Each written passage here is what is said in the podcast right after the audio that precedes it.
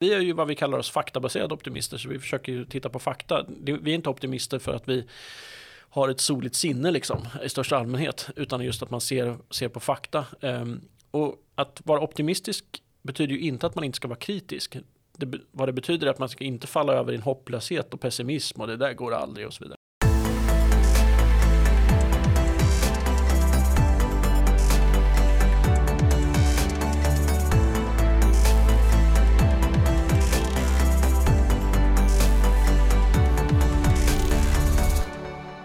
Efter att ha tröttnat på dystra nyheter startar den tidigare liberala riksdagsledamoten Mattias Sundin Warp News för att sprida hopp och framtidsoptimism.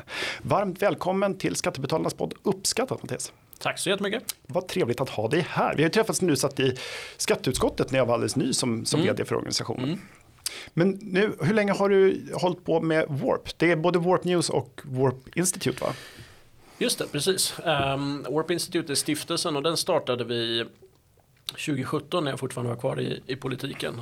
Um, och, och sen eh, adderade vi nyhetsdelen um, lite mer professionellt då uh, för ett lite drygt, ja det är snart tre år sedan nu, um, Warp News då.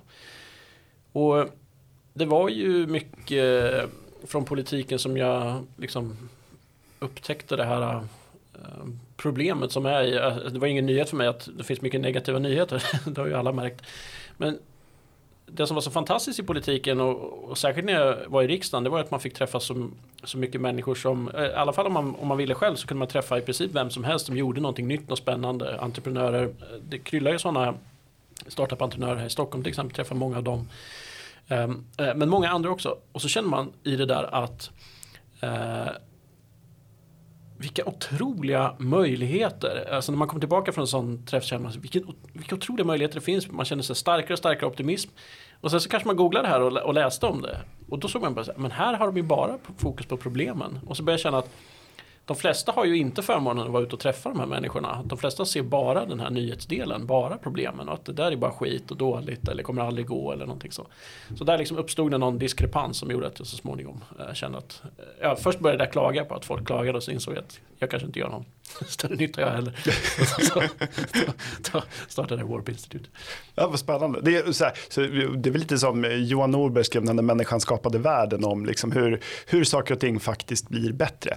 Men det där är väl liksom djupt psykologiskt rotat från vår tid i savannen. Vi ska upptäcka hot före möjligheter. Liksom. Det, är, eh, det är farligare med ett, ett, eh, ett lejon i närheten än goda bär. Ja, verkligen. Nej, så vi har ju biologi att, att kämpa emot här. Men det gör vi på många andra områden också nu. Ehm, och den den gode Hans Rosling eh, påpekade ju det. Ehm, dels den här biologin kring rädsla och så. Men han jämförde det med, att, med, med, socker. Eh, då en gång i tiden så var det jättebra att trycka i sig att man kunde hitta. Eh, om man hittar någon socker i en frukt eller vad som helst. Moffa i det allt du kan. Eh, det var jättebra då.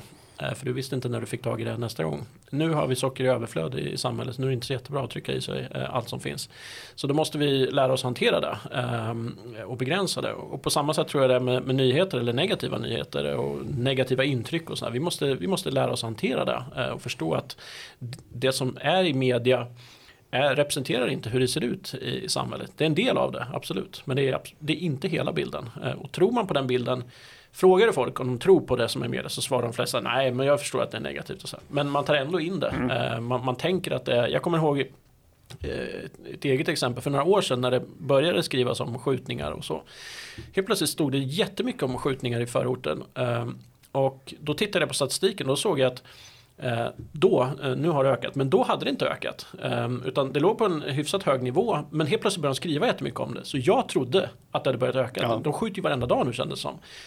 Och så såg jag, men det gör de inte alls. De skjuter lika mycket som för tre år sedan. Eh, sen, sen dess har det ökat eh, en del. Eh, men man, man, blir ju liksom, eh, ja. man, man, det är sällan man sitter och kollar SCB e liksom, när man har läst något i nyheterna. Så att man blir ju ändå påverkad. Ja. Nej, och nu skriver de ju, nu är det ju små notiser när någon blir skjuten ja, i förorten istället. Men det, men det är andra typer av problem som lyfts. Det är ständigt liksom, hot säljer. Exakt, och, och de gärna paketerar ihop och sen så rapporterar de jättemycket om det ett tag. Och så försvinner det och så tänker man, gick det här problemet över eller skiter de bara i eller liksom, vad hände med det? Ja. Overload. Men och, och, så, så, det här är grunden till Warp. Och vad gör ni då? Ja, vi gör lite olika saker, men, men framförallt då så, där vi har fokuserat på dem som sagt de senaste tre åren, mest är då nyhetsdelen, eh, Warp News. Så vi skriver faktabaserade optimistiska nyheter. Vi är inte alls balanserade, utan vi är liksom 100% optimistiska. Sen kan vi vara kritiska mot saker som mm. vi tycker, ja men det här är ett problem som vi borde lösa. Men då är vi, vi trillar inte över i pessimism och hopplöshet och tänker att det går aldrig att fixa. För det vet vi, är det någonting vi vet i mänsklig historia så är det att vi, vi är fenomenala på att lösa problem, framförallt när vi anstränger oss. Eh, och då är det jätteviktigt att ha ett samhälle där man, för det är nyckeln, eh, demokratiska samhällen där du har frihet att tänka och tycka och yttra dig eh, och, och, testa dina idéer och så. Det är nyckeln eh, till att lösa problem och, och, skapa möjligheter och skapa ett bättre samhälle. Och då vill vi visa, visa på det. Um, både i flödet av nyheter, saker och ting som händer men också lyfta fram. Vi har, eh, jag har intervjuat ett antal entreprenörer inom klimatområdet. Det är ju verkligen en sånt domedagsområde, särskilt i media. Ehm, Eh, och, och, där lösningen som presenteras ofta är att vi ska flytta bakåt. Eh, vi ska sluta ha ekonomisk tillväxt framförallt, det är fruktansvärt. Men vi ska sluta massa göra andra saker också. Men då försöker vi visa på att... Ja, ibland inte ens leva som eh, liksom rasmänskligheten. Nej, nej. nej verkligen precis. Det, vore, en, det menar ju verkligen det. Det vore bra om vi försvinner från, ja. från, från den här planeten. Det vore bra för övriga planeten. Och ska jag verkligen ha, och det är någonting som tycker jag är fruktansvärt, som vi ser på många ungdomar nu på riktigt inte tror att de, de har någon framtid, att, att mänskligheten har någon framtid. Och därför är man väldigt skeptiska till att ha barn för att man tror inte att de har någon framtid. Vem vill sätta dem i en, i en värld som kommer gå under om några år? Um, och då vill vi bland annat då visa upp klimatentreprenörer som som liksom tar sig an olika delar av det här problemet. Och att det är det som är lösningen. Och att vi kommer få ett bättre samhälle. Eh, ett hållbart samhälle kommer vara ett bättre samhälle. Inte i form av att vi inte kan resa. Vi kan resa mer men vi kan göra det billigare och hållbart. Mm. Eh, det är det som är, det har alltid varit vår framgång. Ja, och, så, och historien är, är, ju späckad med den här typen ja, av exempel. Alltså, Sverige släpper ut mindre idag och har en, eh, nu minns jag inte den exakta siffran, men det är väsentligt mycket mindre utsläpp idag än 1990 och vi är mm. dubbelt så rika. Exakt. Det kom bara nu för eh, några dagar sedan siffror från SCB e för, för 2022.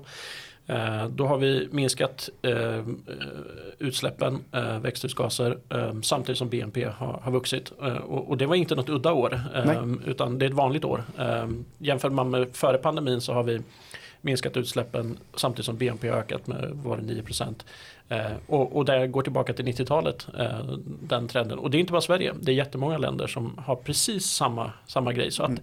att man ens pratar om att det inte går att ha ekonomisk tillväxt samtidigt som man minskar utsläppen jag förstår det inte för det, det är bevisat inte bara i ett udda exempel någonstans utan i jättemånga Det är inte länder. ett land, ett enstaka år, det är exakt. överallt. Ja. Och tittar man på hur världssvält och liksom, hur folk har det ställt ekonomiskt, det är färre fattiga idag trots att vi är väldigt många fler än för 30 år sedan. Alltså allt, det, ja. det mesta pekar ju faktiskt åt rätt håll. Exakt, och det brukar ju Eh, eh, brukar jag säga, men jag har snott det från den gode Johan Norberg, eh, att man skulle kunna haft på framsidan av varje tidning varenda dag eh, sedan 1990 att 130 000 människor har lämnat extrem fattigdom sedan igår. Ja. Eh, och, och, den, och det förstår jag att det inte och är. Och det är inte för att de har dött. Nej, exakt. exakt på ett bra sätt. Eh, de är fortfarande fattiga, en del av dem. En del har kommit ganska långt i välstånd, men de är fortfarande fattiga, men de lever inte i extrem fattigdom längre. Och det är en otrolig bedrift. Alltså vilken otrolig bedrift av de människorna, av de länderna, av, av liksom mänskligheten. Vi borde vara väldigt, väldigt stolta över det. Och, och det är liksom våran approach här. Att, och, och som mycket Hans Rosling just pekade ut. Någonting kan ju vara dåligt och samtidigt bli bättre. Det är fortfarande flera hundra miljoner människor som lever i extrem fattigdom.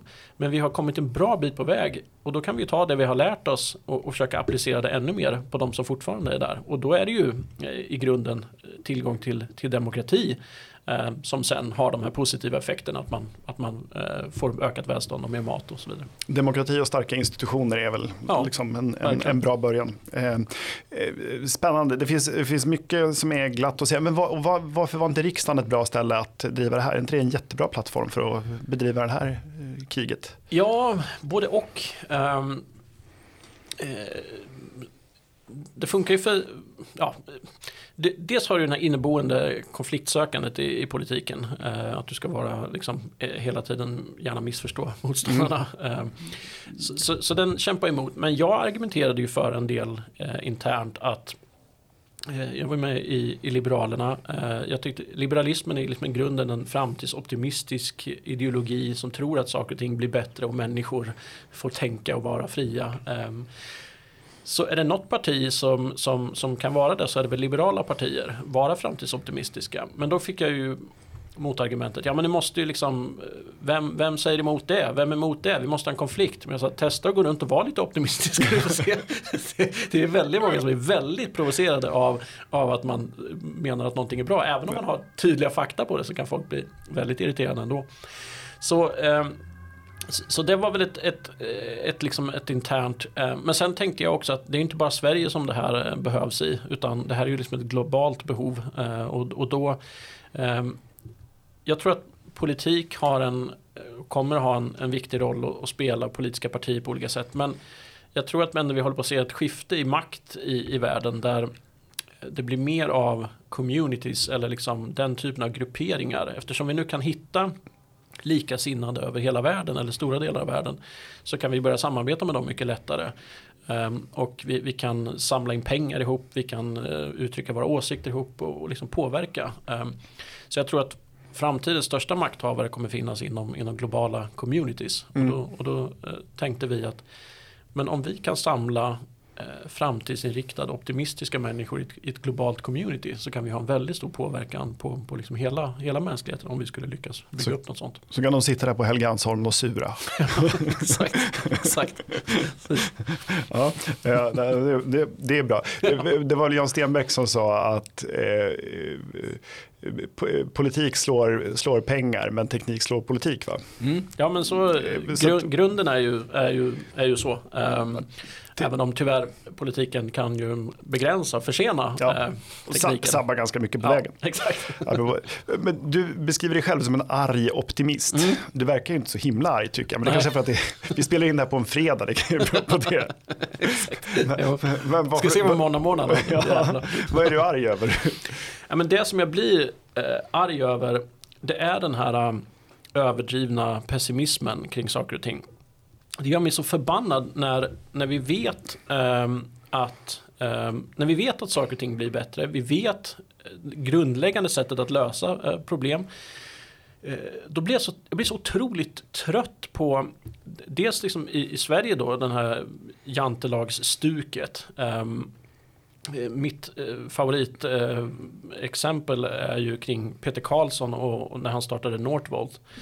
Då, då kom det massa pessimister krypande ur sina hålor och så började de så här. Ja, eh, hur ska det liksom, hur ska han finansiera det där då? Och det blir svårt och bla bla bla.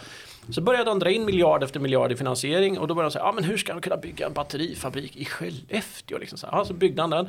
Ja men hur ska det liksom, så varenda gång, och, och det bygger inte på någon, liksom någon intellektuell grund.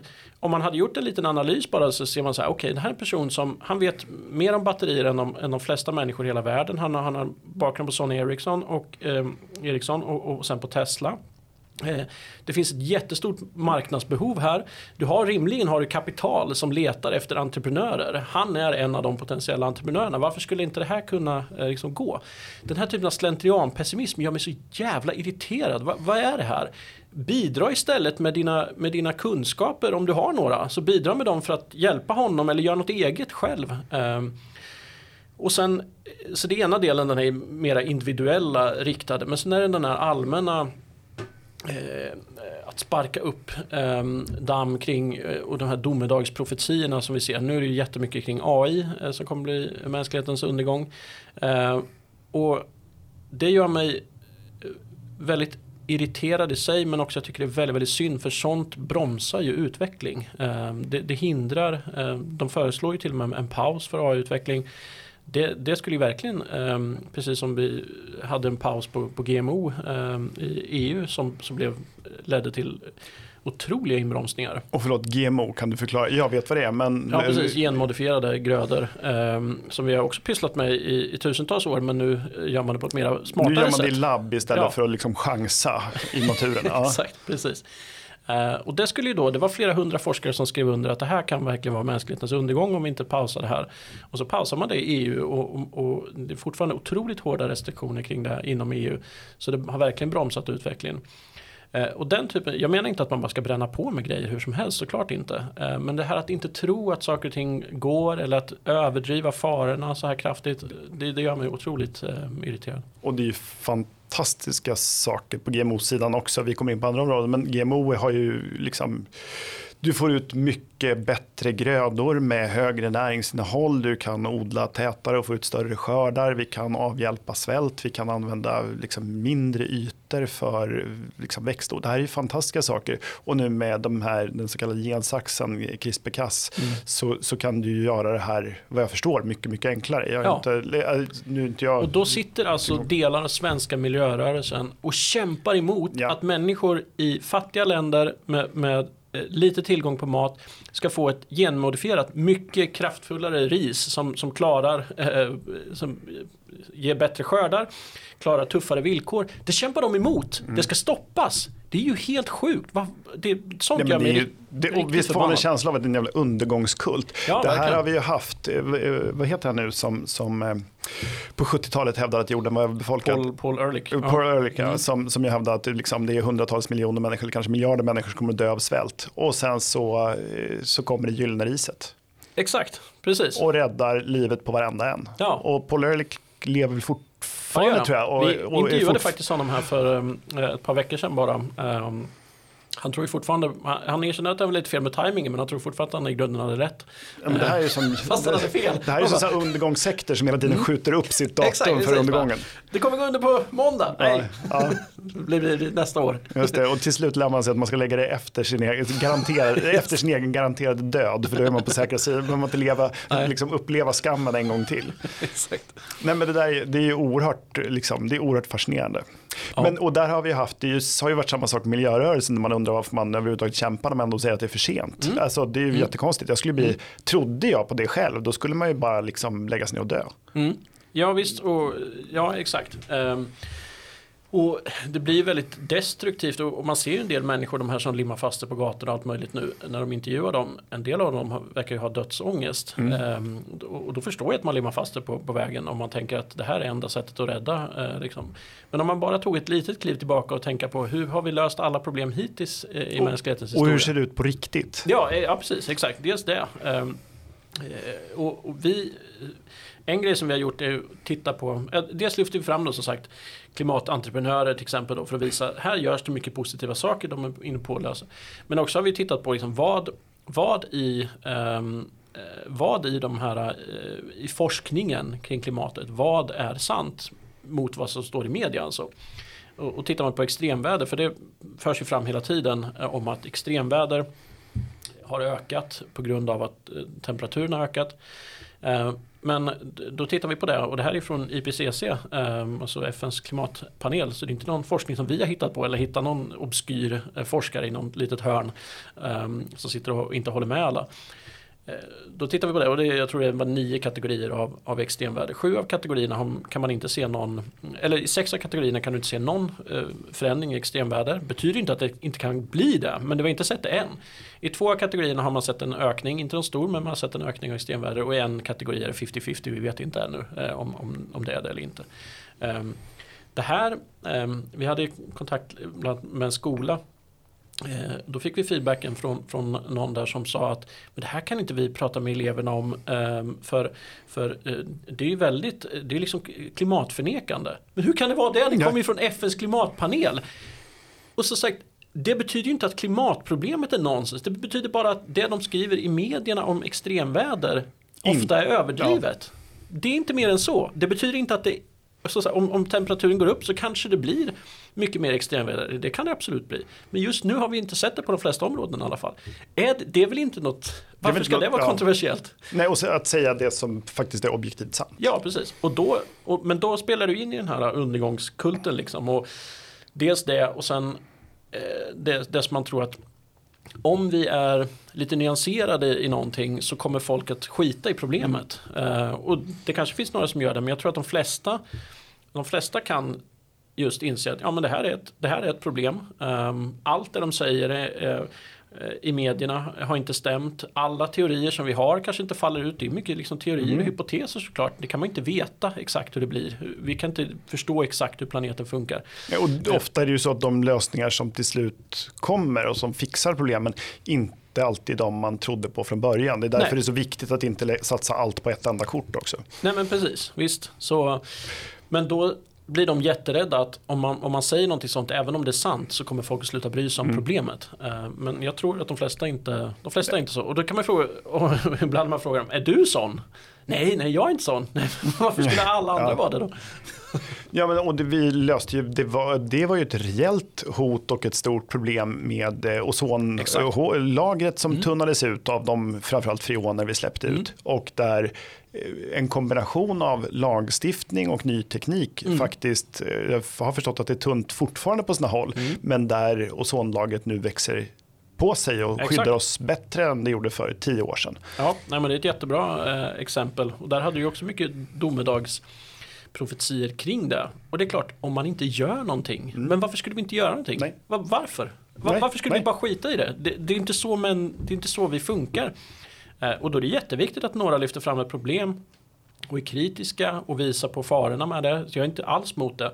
Det jag är emot är den här överdriften. Mm. Och framförallt när vi har löst problemet eller håller på att lösa problemet. Då borde vi skifta till att titta här nu. Titta vad bra. Vad, vad duktiga vi är. Så vi fixar det här. Vi håller på att fixa det här. Kanske vi kan applicera det på fler områden. Det är som att eh, i, i takt med att nu är inte jag troende själv, men det är som att vi behöver ett helvete att förhålla oss ja. till. I, I, en sekulär värld så måste det finnas här. Ja, men om vi nu ska få ägna oss åt, åt lite eh, ohämmad optimism. Mm. Vad är de häftiga stora trenderna nu? Ja, nu är det ju otroligt mycket eh, AI. Um, eh, och det som är... Men har inte 50% av forskarna sagt att det är 10% chans att vi nu alla ska dö? Nej, det är en annan, annan liten anka som, som dök upp. Eh, det visade sig vara det, är fascinerande hur saker och ting sätter sig. Vissa, vissa argument, ofta negativa. Eh, I slutet på förra året så gjordes det en undersökning där man skickade ut en, en enkät till eh, lite drygt 4000 AI-forskare. Det var personer som hade varit på en två olika AI-konferenser eller fått ett paper. Så, så någon form av forskning inom AI pysslar de med. Över 4000 personer fick den här enkäten. Eh, den här frågan då som man nu lyfter upp att 50% av AI-forskarna säger att det är 10% risk att vi alla kommer dö. Eh, skulle du gå ombord på ett flygplan mm. om flygplansingenjörerna sa det, alltså de som har byggt flygplanen sa att det var 10% risk att det kraschar. Nej, för fan. Eh, då var det någon som sa, men om, om, om det vore ännu större chans att man hamnar i paradiset kanske en del skulle gå ombord. Men i alla fall, av de drygt 4000 som fick den här frågan så var det 81 som, som trodde det. Eh, att det var 10% risk eller mer eh, att mänskligheten går under. Men den här lever vidare som en, en faktoid nu. Eh, mm. någonting som vi tror är sant fast det inte är det. Men eh, inom AI eh, och det, det, är lätt att det blir eh, naturligtvis också överdriven hype när, när det händer sådana saker. Men det som jag ändå ser som det stora genombrottet här. det är ju att Eh, Eh, med ChatGPT här och, och, de olika språkmodeller som kommer från andra, andra företag och organisationer nu så kan vi kommunicera med datorn här eller med liksom programvaran med vårt naturliga språk. Eh, vi behöver inte lära oss programmera eller klicka på något eller liksom sådär utan vi kan kommunicera med den precis som om du skriver ett, ett mail till en kollega och ber den göra någonting på precis samma sätt. Och det här gör, och sen kommer outputen då både via text och, och nu ser vi bild och nu kommer det vi, om musik och video och så vidare. Att du med ditt vanliga språk kan skriva och be den göra någonting och du får ett jättebra resultat ut. Det släpper ju loss en enorm mängd kreativitet som finns i våra huvuden men vi kanske inte får ut den. Eh, jag är ganska bra på att skriva så det har inte varit liksom min stora grej. Där får jag ut en del av min kreativitet. Jag är skitkass på att designa och måla. Jag har något i huvudet som jag tycker, som jag tycker ser ganska bra ut. Försöka göra det själv blir det jättedåligt. Försöka förklara för någon designer så blir det okej okay, men det blir, det blir inte det här som jag vill ha i mitt huvud. Eh, men nu via Midjourney och sådana så kan jag ju få ut helt otroliga resultat. Eh, så, så, nu kommer den kreativiteten ur min skalle. Jag kan ingenting om musik. När det, när det kommer de här så kommer jag kunna börja skapa musik. Jag kommer kunna göra videos eh, som jag inte heller kan göra nu som jag kommer kunna göra då. Men, men just det här naturliga språket och på kort sikt så tror jag att eh, anledningen till att ChatGPT fick 100 miljoner användare på rekordtid, ingen annan tjänst har så snabbt nått 100 miljoner användare eh, någonsin. Eh, det är att det finns ett sånt stort behov i vår vardag. Vi, du producerar enorma mängder text, ni på Skattebetalarnas förening mm. producerar enorma mängder text i tidningar, i, i rapporter, i mejl, i allting.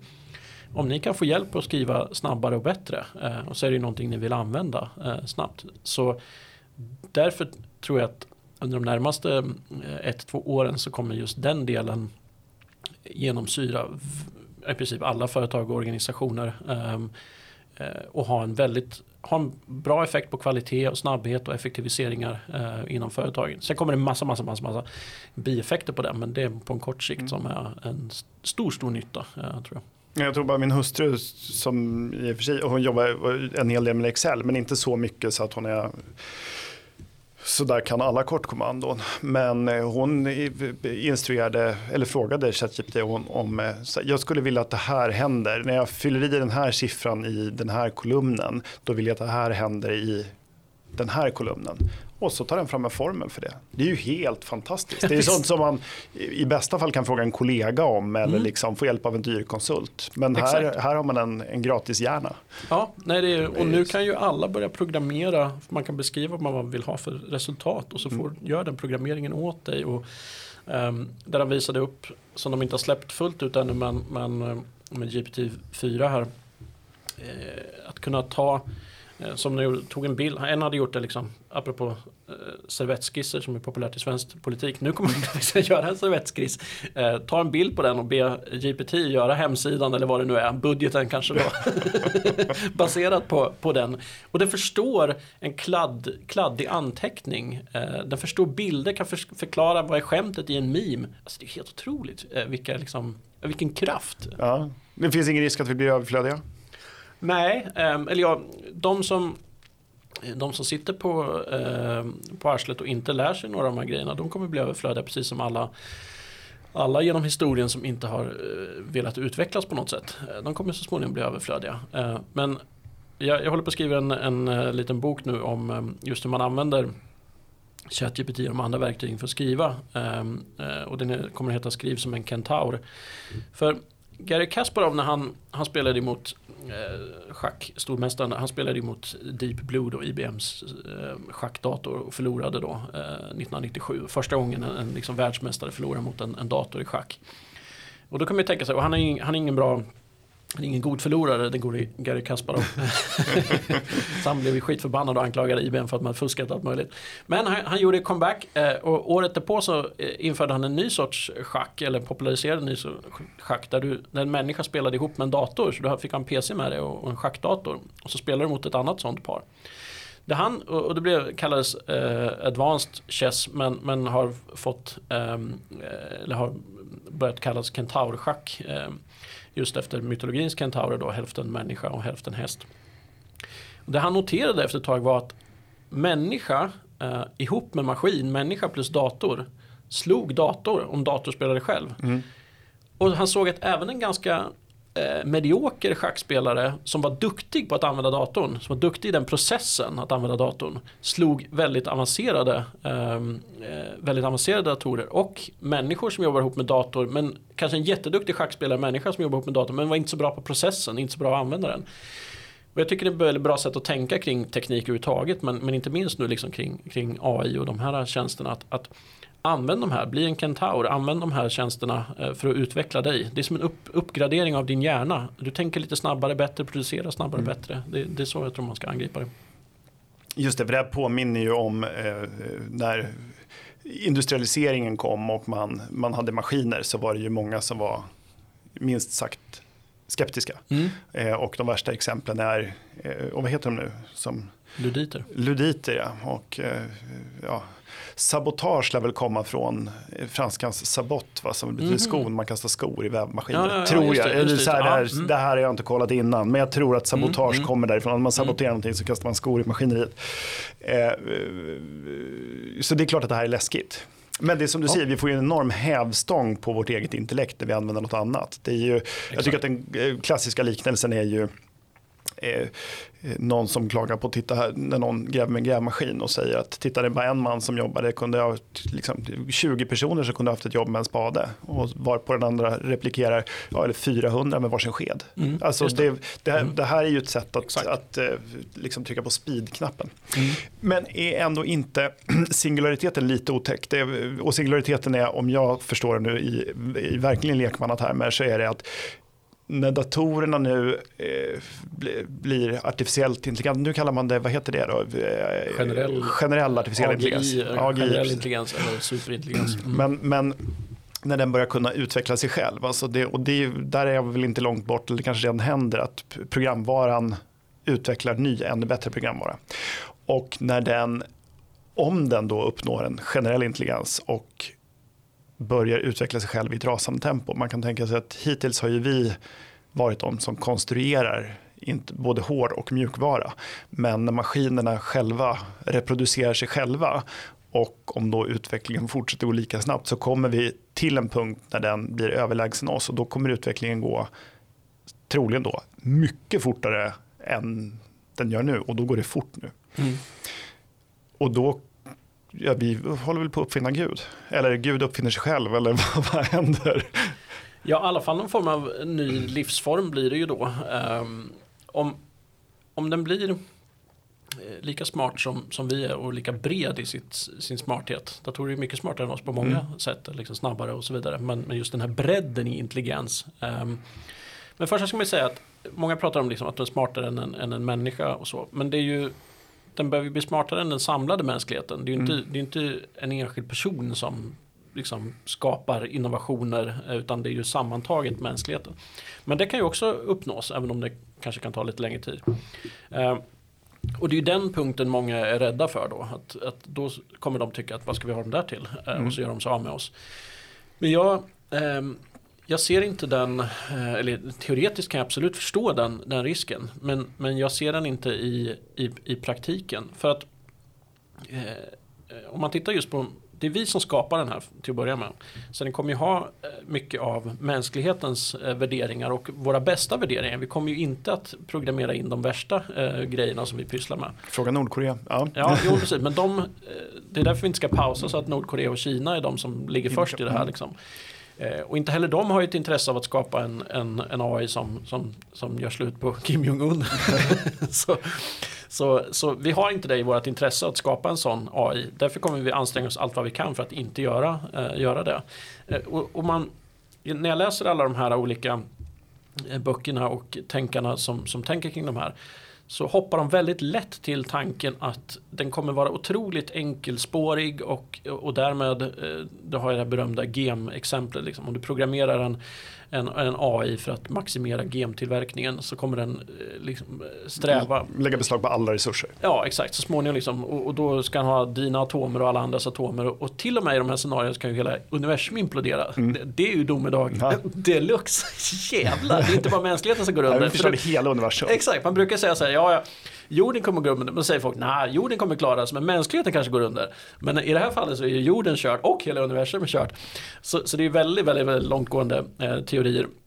Men jag menar, om, om den når generell intelligens eh, eh, så kommer den inte vara enkelspårig. Den kommer ha värderingar, den kommer att se precis som vi vi bygger nu i Sverige Eh, när vi bygger en ny väg så bygger vi också små broar för, för, för grodor och andra djur som ska hoppa över. Eh, vi kunde väl skita fullständigt i grodorna mm. och det har vi gjort genom mänsklighetens historia. Men vi, ju intelligentare vi blir som mänsklighet desto mer bryr vi oss om sånt. Och så kommer den här intelligensen också vara för vi kommer att skapa den på det sättet. Och i det här, eh, en grej, och, och det tror jag är den här pessimistfällan som man hamnar i hela tiden. Att man tänker så här, men hur ska vi göra det här? Ja, det är ingen som vet. Eh, ingen vet hur man ska skapa AGI, ingen har en aning om det. Det ska man börja med. Men hur ska vi se till att den eh, inte blir, eh, liksom vänder sig mot, mot oss? Ja, det vet vi inte heller. Och då blir det läskigt. Ehm, eh, men så är det med allting som är nytt. Skapar det olika typer av problem som vi löser. Ehm, men vi vet inte hur vi löser dem nu. Men vi vet att vi kommer att, att lösa dem. Och om vi använder AI för att lösa de problemen så har vi ett väldigt kraftfullt verktyg. Eh, och det hände faktiskt en grej nu bara för ett par dagar sedan. Där OpenAI, de som har ChatGPT, Eh, ett problem i, i, i det här är ju att vi inte förstår de här är ju neurala nätverk så det, det är som ligger neuroner precis som i våran hjärna. Så när du skriver någonting i ChatGPT och vill att den ska göra någonting så, så går den ut i, i de här neuronerna och så precis som i hjärnan så tänds en del eller aktiveras en del. Men vi vet inte vilka som gör det och varför de gör det och så. Och om vi inte vet det, hur ska vi då kunna kolla så att den inte kommer på något eh, farligt? Sinistert, uh eh, men då har de använt AI för att kolla. så de kör in eh, GPT-4 och tittar när jag skriver in någonting, vad händer i det här neurala nätverket? Så då, nu kan de titta på det. Eh, så det är en del, det är ju absolut inte hela lösningen på det här, men det är en del av det och jag tycker det är så symboliskt intressant för att det är precis det, om vi pausar AI-utvecklingen det är inte så att vi kommer lösa de här problemen. Det enda vi måste göra är pausa utveckling totalt eh, så småningom. Jag får ju bara känslan att anden är i flaskan. Det ja, går, alltså, vi kan pausa det temporärt, i del, men det, det, gör ingenting på sikt. Nej. Det här kommer att hända. Men, och det är lätt att dra den här liknelsen med man trodde när tåg, tågen kom att det var liksom, vilka hälsoeffekter får egentligen åka 40 km i timmen i liksom flera mil. Det, det kommer att skada kroppen något oerhört var det många som trodde då. Mm. Men det finns ju någonting som, är ganska, som till och med jag tycker är lite obehagligt. Och det, det här ligger bortom vår förståelsehorisont. Det vill säga vi har varit, om inte universum, så åtminstone planetens härskare. Och det är svårt att föreställa sig, eller det går inte att intellektuellt föreställa sig hur någonting som är smartare än oss är. Och det, ju, det, det, tycker till och med jag är, jag, jag kanske inte är nödvändigtvis rädd för det, men det, just, det, går inte att tänka sig. Det är som att tänka på oändlighet. Det, mm. går inte att förstå. Mm. Och det är lite läskigt. Ja, jo men eh, mycket, mycket sådana här saker när man tänker på dem är ju, framförallt är det liksom svårt att, att, att eh, liksom vika hjärnan runt eh, de, här, mm. de här tankarna. och då trillar man ju lätt över i att det är läskigt. Men då tycker jag då kan man luta sig mot i alla fall de senaste hundratusen åren av mänsklighetens utveckling. Att det är, hoppar du tillbaka 10 000 år eller 5 000 år eller, eller 100 år och så sätter du i skorna på någon person då och så visar de teknik som vi har idag. Då är det precis lika omöjligt att, att tänka ja. sig. Um, hur i HV skulle man liksom, ja, ta mobiltelefonen som ligger bredvid mig här liksom. Förklara den för en person för hundra år sedan. Um, Tim Urban som har um, bloggen Wait But Why han har ju några exempel, liksom, om du skulle ta, om du kan teleportera någon från, från eh, liksom tillbaka, eh, historien till, till idag och så visa upp den här världen för dem.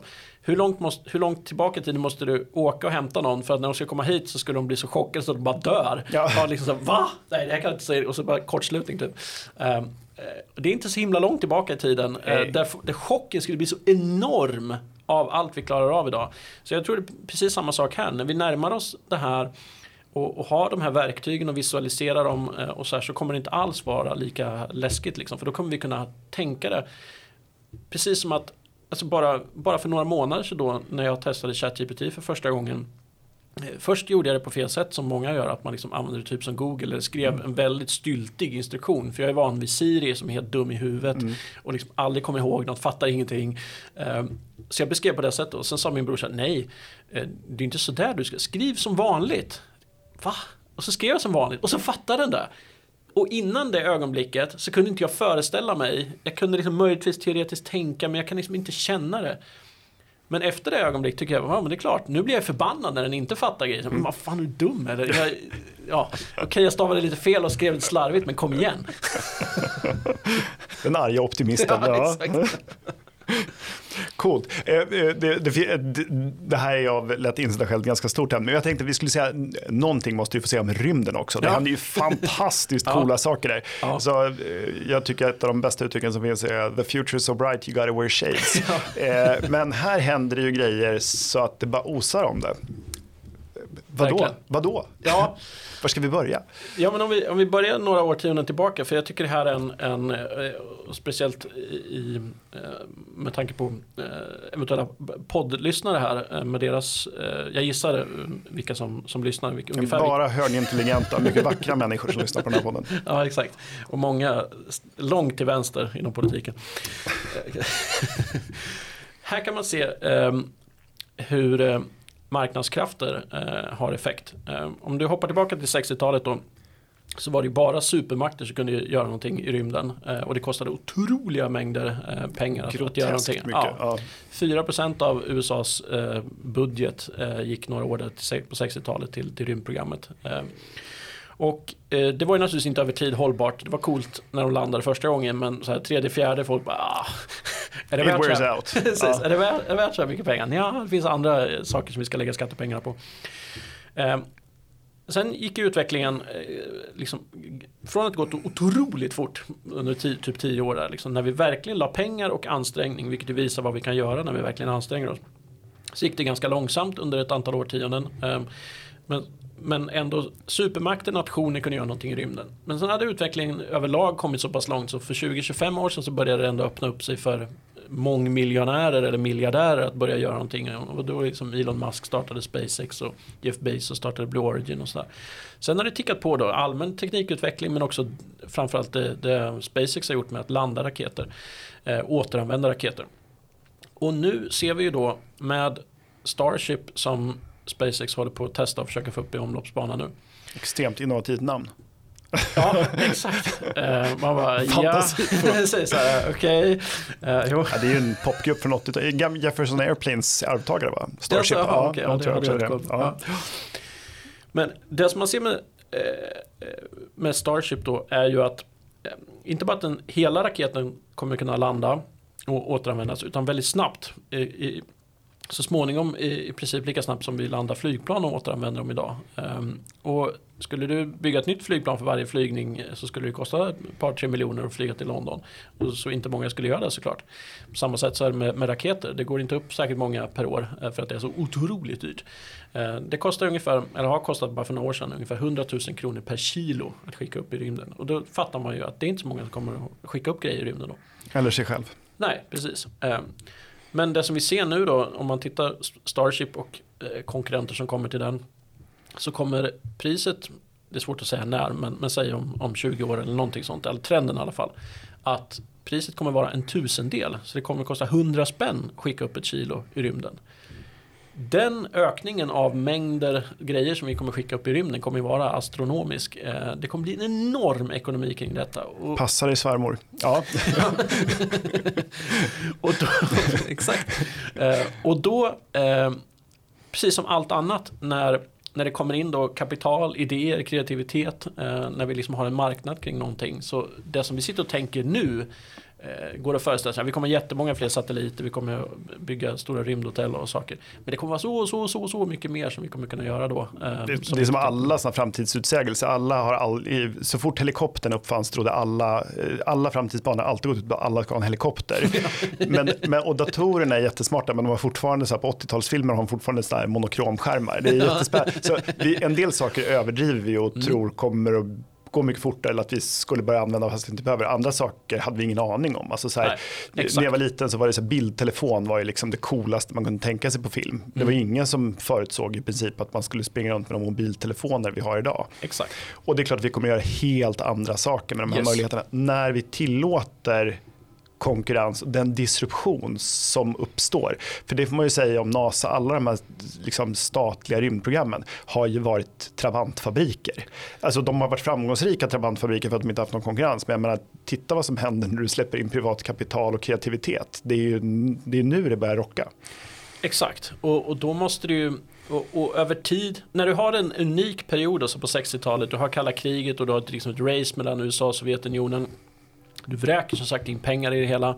Eh, ja, men då klarade man att ta stora steg från, från statens sida. Men sen blir man ju mer och mer liksom rädd för risk. Eh, man är inte beredd att folk dör och, och att det kraschar och sådana saker. Eh, och, och, och, helt rimligt inte tycker att skattebetalarna tycker inte att man ska lägga så mycket pengar. Liksom.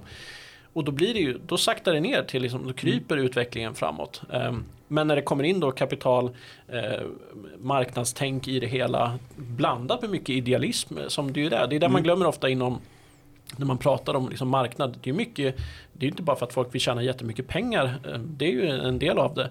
Men det är ju att man tror på någonting och vill utveckla någonting och då är företag ofta ett bra liksom, verktyg att, att göra det med. Alltså det är ju, och särskilt de här tidiga Um, Bezos har, har ju lagt otroligt mycket pengar på det här för att han själv drömmer om en sån här framtid och vill, vill vara med och skapa den. Liksom. Och det är inte alls givet, han kanske ofta är det ju så också att de här eh, som är först på bollen inte sällan ut, upp, kommer fram med ny teknik som blir avgörande i framtiden. Men det är inte deras företag som, som får skörda frukten av det utan det är ett enormt risktagande från ja, deras sida. Eh, men det är ju så otroligt häftigt och de gör, ja, det gör otroliga grejer. Vad jag har förstått så dels så ska man väl anlägga en bas på månen för att kunna flyga till Mars vilket ju är coolt i sig även om jag inte just längtar dit. Eh, hur mycket jag än gillar Bowie så, så, så är det svårt men, eh, men att man också att det kommer att bli så, de här raketerna är så billiga och du behöver inte alls lika mycket bränsle om du ska skjuta dem inte, upp, eh, utan, äh, inte så långt utanför atmosfären utan använda dem för resor mellan länder, eller kontinenter då framförallt. Du kommer inte flyga inrikes med raket. Men Los Angeles, Tokyo kommer att gå på kort, kort tid och kanske ja. sluka mindre soppa än en flyg, flygning. Precis, och de kommer nog den typen av resor i sig kommer vara ganska dyra fortsatt. Eh, liksom raket raket eh, mellan två platser på jorden. Eh, du måste ändå upp en, en bit. Mm. Däremot så kan du ju förmodligen lära dig mycket av det för att utveckla nya typer av flygfarkoster som snabbt kommer upp högt eh, så att de kan ligga och glida där uppe med, med väldigt lite friktion. Och den typen av resor kan de bli, bli väldigt billiga.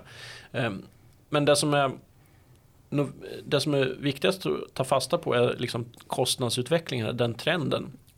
Eh, för det är där möjligheterna finns. Ja. Det, det, öppnar så otroligt mycket möjligheter. Som sagt, vi kan komma på några grejer nu, mycket baserat på science fiction. Men så mycket annat som kommer hända. Ja, och nej, de häftigaste grejerna kommer folk att komma på längre fram som vi inte kunde föreställa oss. Exakt, Bara, alltså... och, och, det är så mycket, eftersom just rymd är så liksom, ingenjörstungt så tänker vi mycket sånt. Men jag var på en konferens för ett tag sedan och så var det, eh, det var inte rymdkonferens men de, de hade bland annat rymdtema.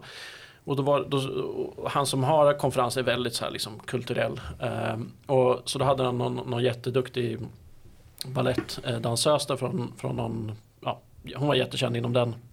Och jag var tvungen att sitta och titta på det där. jag har varit på balett en gång i mitt liv och aldrig mer. Men nu var jag tvungen att titta på det där.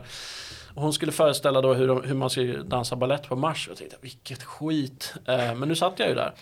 Men efter tio minuter så började jag så här vänta nu, så här, eh, hur skulle det se ut i rymden eller på en annan planet med en annan gravitation än vad vi har här. Vad är det för uttryck som skulle komma liksom fram där? Och så helt plötsligt vidgades min, min, min snäva horisont vidgades lite grann i alla fall. Och, och det är precis så där alla människor med alla sina olika angreppssätt, intressen och vad det nu är. När det öppnar sig någon ny arena så kommer ju de blomma ut där. De kommer skapa massa. Så vi kommer se så mycket sådana här Ja, otroliga och, grejer. Och konsten hjälper tekniken och vice versa. Jag tror, att det är väldigt, jag tror att det är väldigt, väldigt viktigt. Ja, jag hoppas på en renässans för det. Spännande. Det finns så mycket att säga om rymden. Men vi har ju tittat lite på baksidan av optimism och det är ju när folk är optimistiska med inte sina egna pengar utan andras pengar.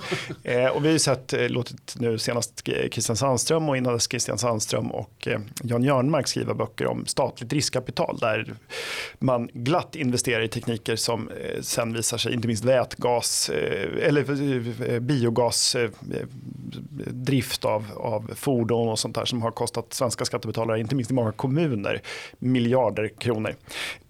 Finns det inte en risk att politikerna rycks med i det här och börjar liksom, hoppar i galen tunna med dina pengar?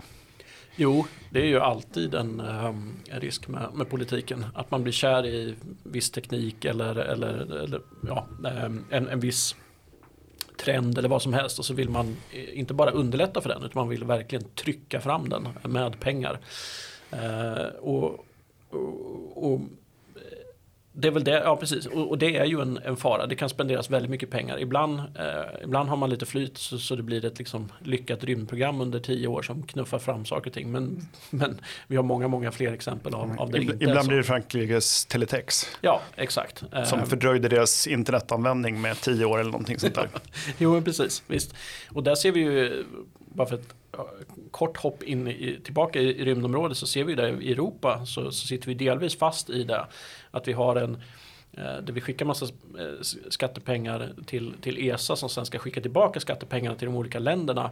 Det gör det väldigt, väldigt svårt att ens använda pengarna mer effektivt. Mm. Eh, och, och, vi har Ariane, europeiska raketprojektet Ariane som i Sverige har försökt komma ur ett par gånger.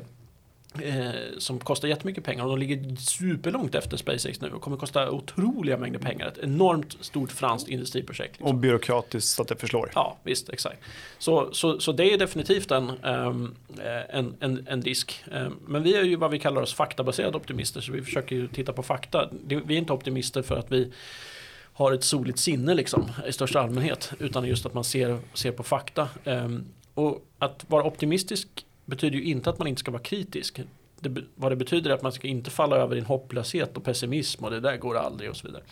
Men, men, men just sån här ö, överdriven tro eller i alla fall det kan vara så att tron är rätt, den där tekniken kanske är rätt. Men, men då behöver staten i alla fall inte lägga sig Nej. i det. Eh, underlätta, ta bort eh, liksom, problem. Som, eh, som Mao sa, låt tusen blommor blomma. Jo, ja. och, exakt. Eh, men att, att eh, möjliggöra för det så får några andra riskera pengarna mm. eh, där och de får gärna om det om, om vätgas eller vad det nu är eh, är, är idiotiskt ja men då får de torska de pengarna. Eh, och är det rätt så får de vinna de ja, pengarna exakt. faktiskt. Då får de inte casha in liksom. Ja. Så det är väl en, en bra liksom, grundapproach tycker jag. Eh, jag måste fråga också, vår tid börjar löpa mot sitt slut. Men finns det någonting som oroar dig med utvecklingen? Är det någonting som du tycker är hotfullt och skrämmande? Ja, men jag, eh, det ser jag mest, ja, det, mest inom nyhetsmedia. Eh, det tycker jag är, eh, jag vet inte om utvecklingen oroar mig, men jag tycker tillståndet oroar mig. Att vi har så mycket medier som, som ehm, eh, skapar en, eh, bidrar väldigt starkt till en, att vi har en felaktig uppfattning om. Eh, och med felaktig menar jag just att den är inte, den har inte nyanserna. Den är alldeles för mycket tonvikt på, på det negativa. Och, och, som DN till exempel säger och som Washington Post säger och så här att det, det, de, det de skriver och det de rapporterar som det påverkar människor, påverkar människors beslut. Ja men om den bilden är överdrivet negativ, vad mm. säger det om besluten vi fattar? Det är klart att vi går till den typen av politiker. Om vi tror att om man, om man sitter i USA så tänker man Fy fan vilket skit det är. I Washington, saker och ting blir bara sämre runt om i hela landet. Eh, det är klart man gärna röstar på någon som säger jag ska drain the swamp eller mm. liksom det, kaos är bra. Eh, liksom, det här systemet måste bort. Eh, även om det är en dåre så är det, så är det bättre i alla fall än, än det vi har nu. Eh, och jag menar medierna, nu, nu har CNN som ju har då en, helt annan eh, uppfattning än, än Trump bjuder in honom till en town hall nu. Och så cashar de in en jättepublik och, och liksom den typen av cykler, eh, det, det oroar mig. Ehm, men ljuset i den ehm, tunneln är ju, är ju internet och våra ökade möjligheter via AI att skapa själva. Så ja, jag behövde inte köpa när vi startade Warp News så behövde vi inte köpa en tryckpress för massa miljoner. Vi behövde inte ha eh, journalister som sitter i ett hus. Vi behövde inte köra ut tidningen på morgonen. Eh, utan vi kunde starta det med några datorer. Några av oss sitter i USA, några sitter i Stockholm. på olika Så det öppnar ju, med YouTube och alla de här så öppnar det ju för andra typer av medier hela tiden. Mm. Och så, så den växer ju fram. Men, men det, det, är en, det är en väldigt svår eh, motståndare, liksom, nyhetsmedia. Mm. Man skulle kunna ersätta dem med en AI ja. som är rätt programmerad. Ja, Stort tack för att du kom hit Mattias. Jätteroligt att ha dig här. Och hur följer man enklast ert arbete om man nu ska bli lite mer positiv och se ljusare på framtiden med fakta som bas? Hur, eh, hur tar man del av ert arbete? Ja, um, vi uh, går in på warpnews.se ehm, um, eller org om man vill läsa de engelska nyheterna och så läser man där eller, och framförallt det bästa är att signa upp för vårt nyhetsbrev. Det är gratis, kommer en gång uh, i veckan. Uh, och så finns vi såklart på alla sociala medier. Det heter vi Warp Institute på alla sociala medier. Och det rekommenderar jag varmt alla lyssnare. Jag följer er och tycker att det är mycket glädjande. När man är lite mörk i sinnet så är det bra. Stort tack Tack Mycket själv. trevligt att ha dig här. Och tack för att du har lyssnat. Uppskattat det är en podcast från Skattebetalarnas förening. Vi arbetar för låga och rättvisa skatter, rättssäkerhet för skattskyldiga och minskat slöseri med skattepengar. Vi bildar opinion och folkbildar i skattefrågan och vi lever som vi lär och tar bara emot frivilliga bidrag. Uppskattar du podden så får du gärna ge oss ett högt betyg i din app och vill du medverka till att Sverige blir ett land med minskat slöseri och rimligare skatter så stödjer du oss enklast genom att bli medlem. Läs mer och bli medlem på www.skattebetalarna.se bli medlem. Till nästa vecka, ha det så bra!